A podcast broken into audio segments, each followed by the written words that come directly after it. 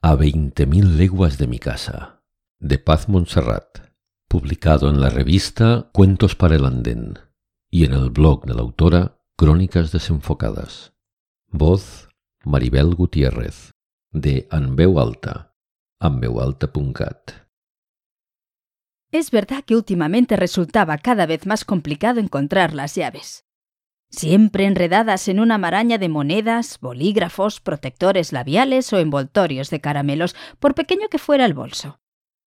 Pero hasta hoy nunca pensé que el gesto previo a abrir una puerta pudiera convertirse en un acto temerario. Ha ocurrido hace una hora al regresar del trabajo. Mi mano se ha sumergido impaciente en el bolso grande. En su descenso ha atravesado la zona superficial de las libretas y la cartera hinchada de resguardos.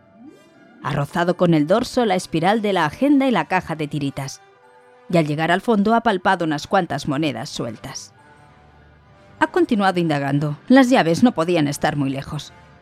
En las inmediaciones, una ánfora tapizada de poliquetos y un cofre oxidado que servía de refugio a un pulpo. Unos cuantos pececillos se han sorprendido al unísono al escarbar en la cueva del rincón, donde los rugosos corales le han propinado un arañazo en el pulgar.